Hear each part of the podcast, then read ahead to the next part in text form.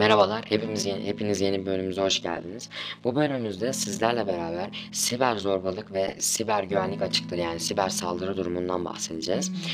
Ee, ilk olarak şimdi özellikle sosyal medyayı artık daha alt yaş gruplarının kullanmaya başlamasıyla beraber bu alt yaş grubundan kastım aslında Instagram'da vesaire yasaklandı ancak 13 yaş altının 15 yaş altının kullanmaya başlamasıyla beraber siber zorbalık dediğimiz şey yani kavram daha çok çoğal- çoğalıyor.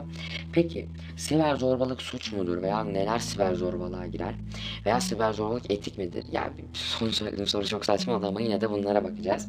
Şimdi ilk önce isterseniz o dediğim saçma soruya geçelim. Elbette siber zorbalık etik bir davranış kesinlikle değildir.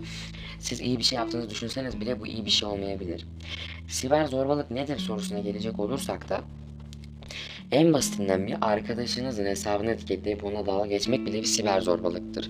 Veya onun e, yayılmasını istemeyeceği bir videoyu yaymak. Veya onun hakkında kötü şeyler yazmak. Yani veya onu e, internet üzerinden, mesajlar üzerinden rahatsız etmek, taciz etmek. Bunların hepsi bir siber zorbalıktır. Ve aynı zamanda birer siber suçtur. As, e, ülkemizde yapılan yani siber yasalarıyla beraber aynı zamanda sanal yasalarla beraber bu yasalar sonucunda hakaret yani sadece birinin yüzüne hakaret etmekten dışında aynı zamanda sosyal medya üzerinden hakaret etmek de uygun değildir. Yani bu da bir dava açılma sebebidir. Bu yüzden kesinlikle hiçbir yerden hiçbir insana hakaret edilmemesi çok e, en doğru olacaktır. Tabii ki tabii arkadaşınıza vesaire şey yapabilirsiniz ancak yapmasanız daha doğru olacaktır. Yani yine de ne olur ne olmaz diye. Şimdi e, siber zorbalık veya siber saldırıya maruz kalırsak ne yapmamız gerekiyor? İlk başta bunu biraz daha siber zorbalığa uğrayabilecek 13 yaş vesaire altı için söyleyeyim. Şöyle bir durum, e, siber zorbalıkla karşılaştığınızda birincisi bu utanılacak bir durum kesinlikle değil. Çünkü öyle bir yargı oluşuyor insanlarda. E, küçük yaşlar, küçük yaş grupları için bahsediyorum. E, kesinlikle bir e, bebeğinle vesaire görüşülmesi gerekmekte. Eğer ki görüşüldü ve hala devam ediyorsa da bu dediğim gibi bir suçtur. Aynı zamanda şikayetçi de olunabilir. Yani gidip bununla ilgili Emniyetin Siber Suçlarla Mücadele bölümüne bir şikayette en azından e-posta üzerinden bir şikayette bulunabilirsiniz. Şimdi e, siber suçlara gelecek olursak şimdi neyler siber suçtur?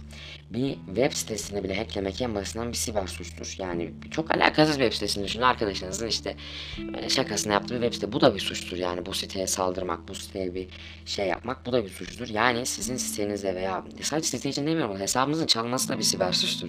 Yani siz her ne kadar eğer ki şifrenizi direkt ona vermediyseniz yani güvenerek hesabınıza giriş yapması için vermediyseniz bu da bir siber suçtur. Hesap çalmışlardır ve kesinlikle etik bir davranış zaten değildir. Bunu söylememe de gerek yok. Ee, dediğim gibi bu bir siber suçtur ve yapılması çok yanlış bir harekettir. Aynı zamanda tehlikelidir de. Yani bunun sonuçları da olabilir. Bunu yapıyorsanız, yapan sizseniz eğer ki bunun sonuçları da olabilir.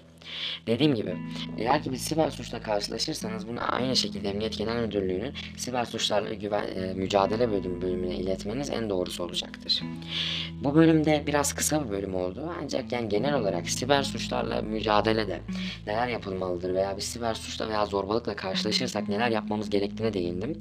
Bir sonraki bölümümüzde sizlere tekrar görüşmek üzere. Kendinize iyi bakın. Görüşürüz.